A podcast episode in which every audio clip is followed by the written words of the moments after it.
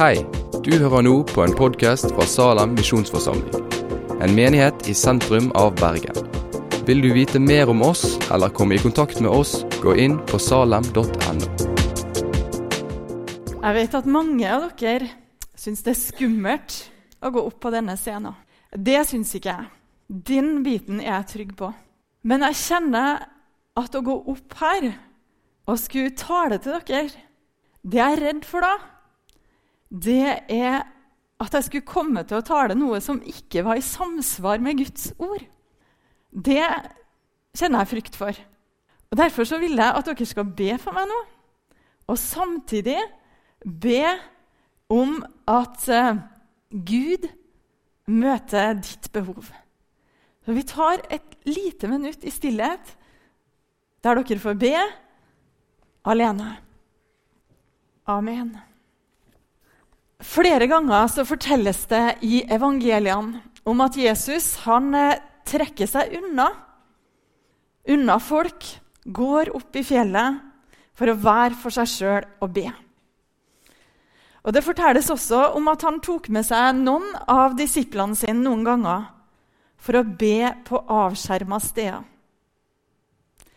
Og Det bibelverset som jeg har tenkt å ta utgangspunkt i, det finner vi i Markus 6. Apostlene har vært ute og prøvd seg på egen hånd. Og så har de samla seg hos Jesus igjen.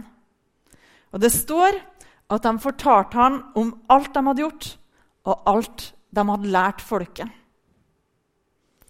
Og han sa til dem, 'Kom med meg til et øde sted, hvor vi kan være alene.' Og hvil dere litt. For det var så mange som kom og gikk, at de ikke fikk tid til å spise engang. Bønn kan være mange ting, sånn som kjappe bønner og takk midt i travelheten vår. Det kan være fellesbønn, sånn som bordbønn og Fader vår og velsignelse. Det kan være fri bønn, når vi er samla nettopp for å be. Det kan være en forbønnshandling. Men når jeg skal snakke om bønn nå, så skal jeg snakke om den sida av bønn som handler om å trekke seg tilbake til stillheten for å være alene med Gud og hvile. For på samme måte som Jesus inviterer sine disipler til et slikt sånn alenefellesskap med han. Så inviterer han meg og deg også til å trekke oss tilbake. Og Vi skal lese et vers på det. Men når du ber, skal du gå inn i rommet ditt og lukke døren og be til din far som er i det skjulte. Og din far, som ser i det skjulte, skal lønne deg. Når jeg skulle forberede meg til dette møtet, så måtte jeg grave fram Ole Hallesby fra bokhylla mi i Bønnens verden. Og han starter sin bok om bønn med å si at vår bønn er et svar på Jesus sin invitasjon til nært fellesskap. Det ville ikke vært noe bønn i vårt liv hvis initiativet ikke kom fra Jesus. Dersom du lengter etter å be, ja, om du så ikke har noe bønneliv i det hele tatt, men skulle ha ønska at du hadde, så er det fordi at Gud har en stående invitasjon til deg. Det er fordi at Jesus er i aktivitet. Og vi skal lese et vers til. Det blir mange sånne små gjennom denne talen. Se, jeg står for døren og banker.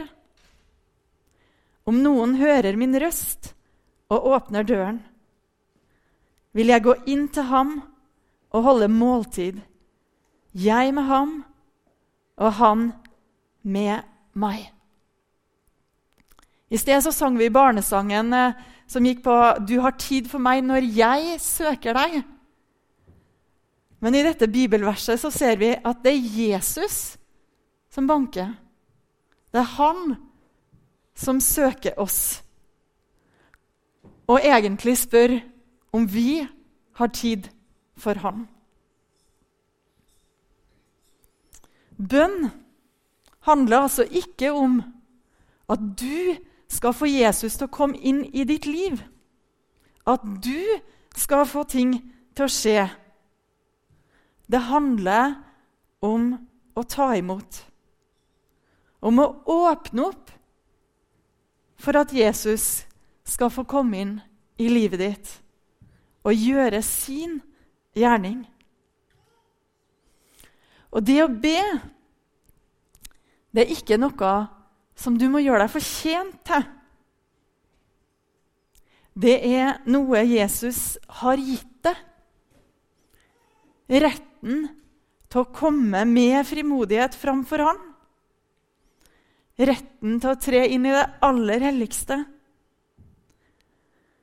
Og retten til å være et barn som alltid er velkommen. Uavhengig av om du ba i går eller ikke. Er det lenge siden du ba, så er gleden over at du gjør det, desto større. Gud ønsker inderlig at vi skal komme til Han i bønn. Komme og finne hvile.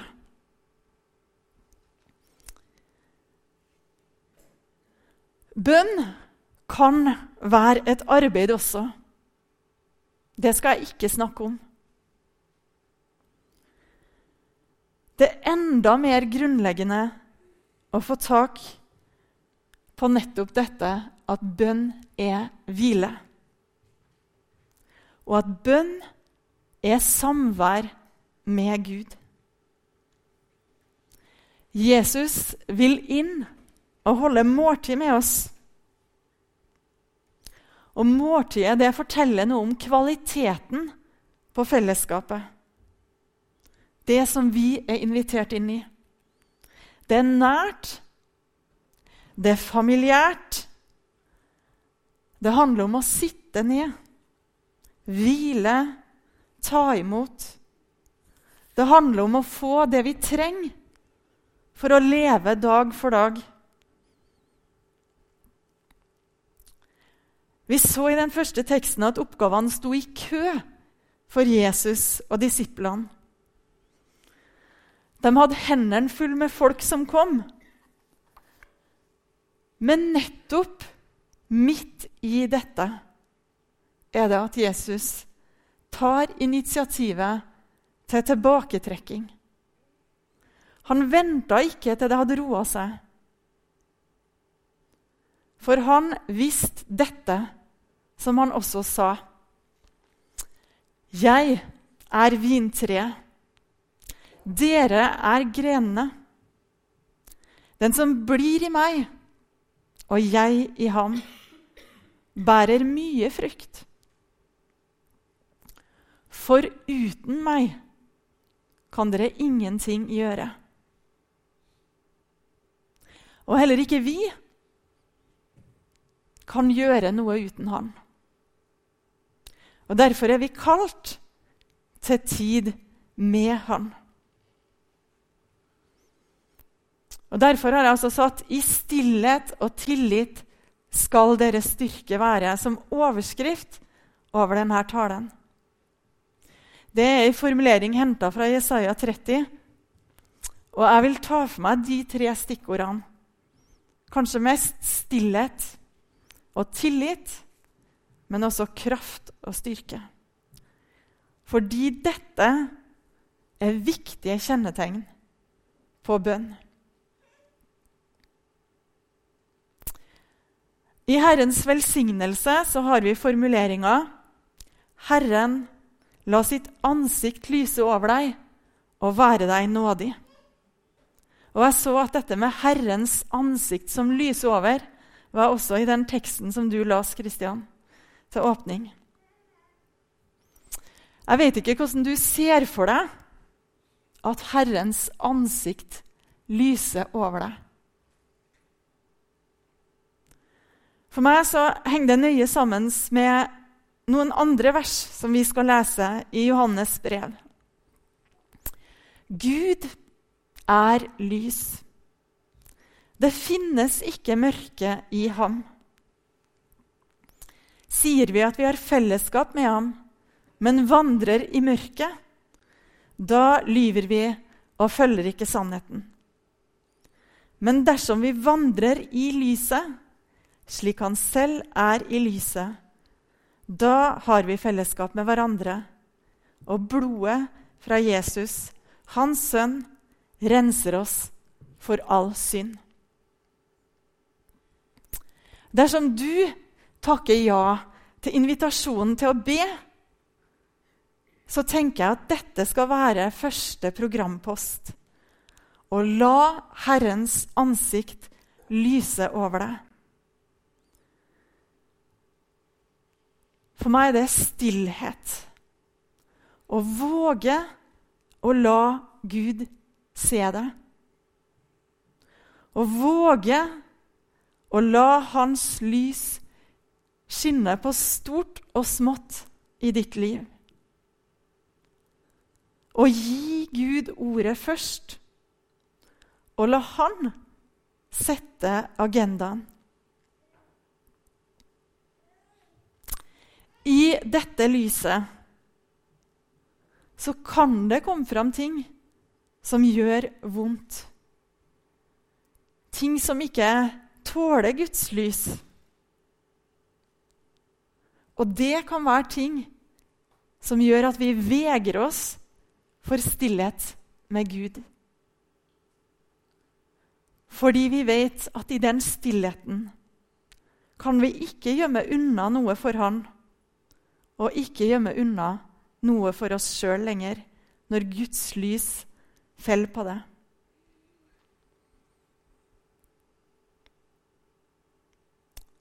Da er det viktig tenker jeg, å holde fast på at dette, at Herrens ansikt lyser over oss, det er en velsignelse. Et godt ønske også når det kan gjøre vondt. Fordi det er kobla sammen med nåden. Når synd og urett kommer fram i Guds lys, da først kan vi renses for all synd. Og I samme kapittel, Isaiah 30, som er henta formuleringa 'i stillhet og tillit' fra, så står det en annen nydelig formulering. Herren lengter etter å vise dere nåde. Herren lengter etter å vise dere nåde. Og Derfor er vi også oppfordra til å legge alle ting fram for Gud. Vær ikke bekymret for noe, men legg alt dere har på hjertet, framfor Gud. Be og kall på ham med takk. Legg alle ting framfor Gud. Altså ikke bare fromme og velformulerte bønner, men alt du bærer på av godt og galt skal løftes inn i Guds lys. For Herren lengter etter å vise nåde. Han lengter etter å stryke ut, lege, gjenopprette, tilgi, utruste, bygge opp bære, sende.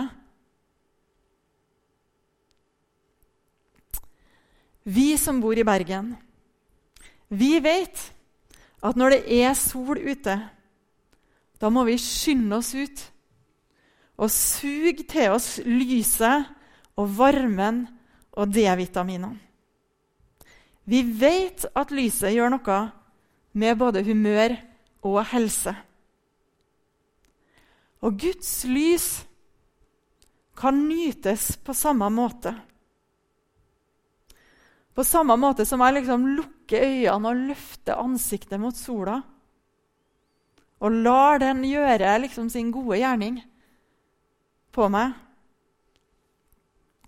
Så kan jeg få lov til å i stillhet nyte Guds lys.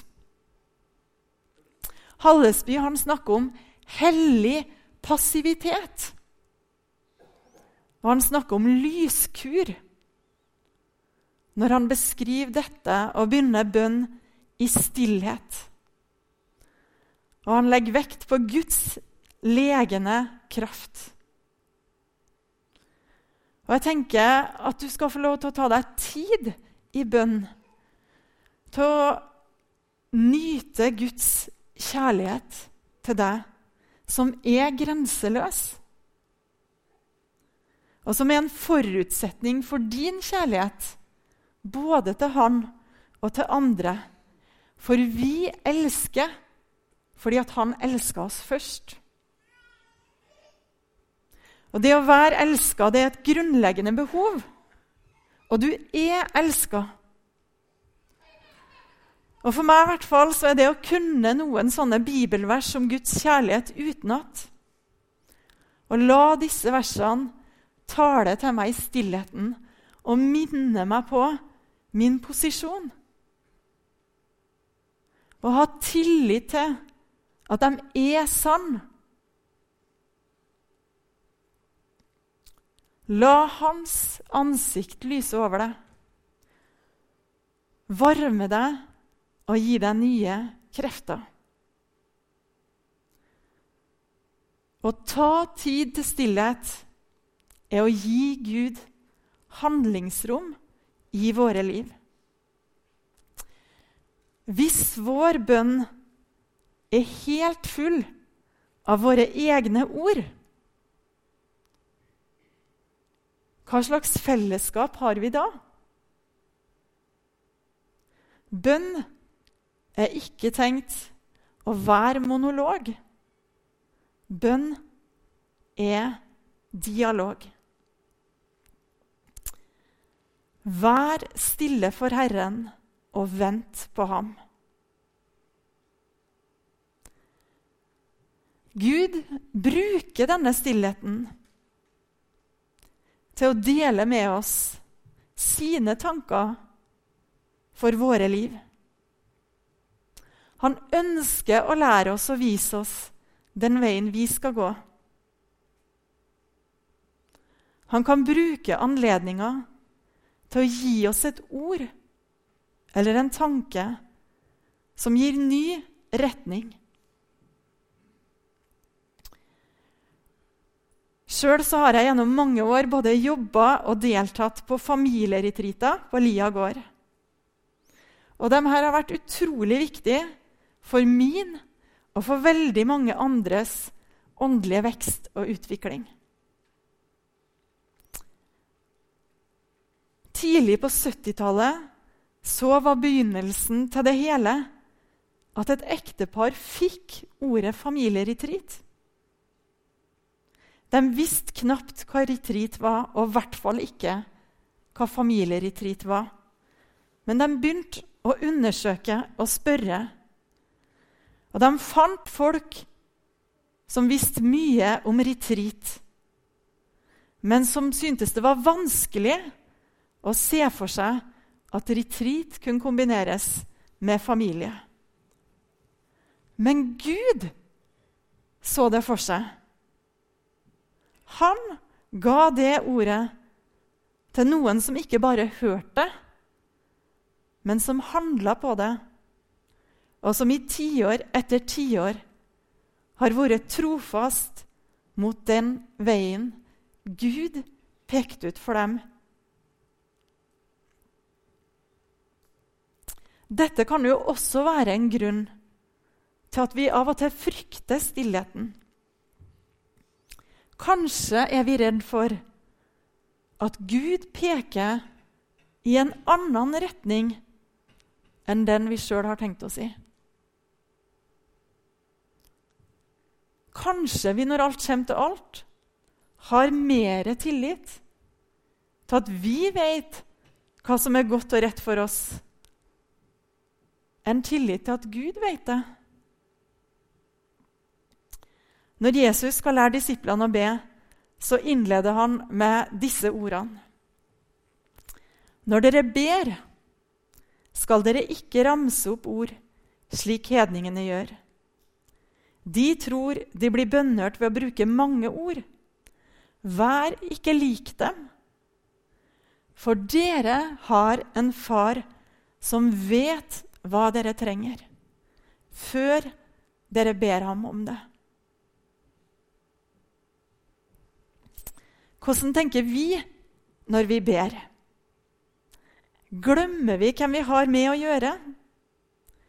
Bruker vi bønn til å formidle informasjon og egne løsninger? Blir vi frustrert dersom vi ikke ser løsning på noe, sånn at vi kan fortelle Gud hva han bør gjøre? Eller ber vi i tillit til at Han som er allmektig, ser og vet og har full oversikt. Og ikke minst i tillit til at han av seg sjøl ønsker å gi oss gode gaver. Legger vi fram lange ønskelister, eller spør vi hva han ønsker for oss? Jeg sier ikke at vi ikke skal være konkrete når vi ber.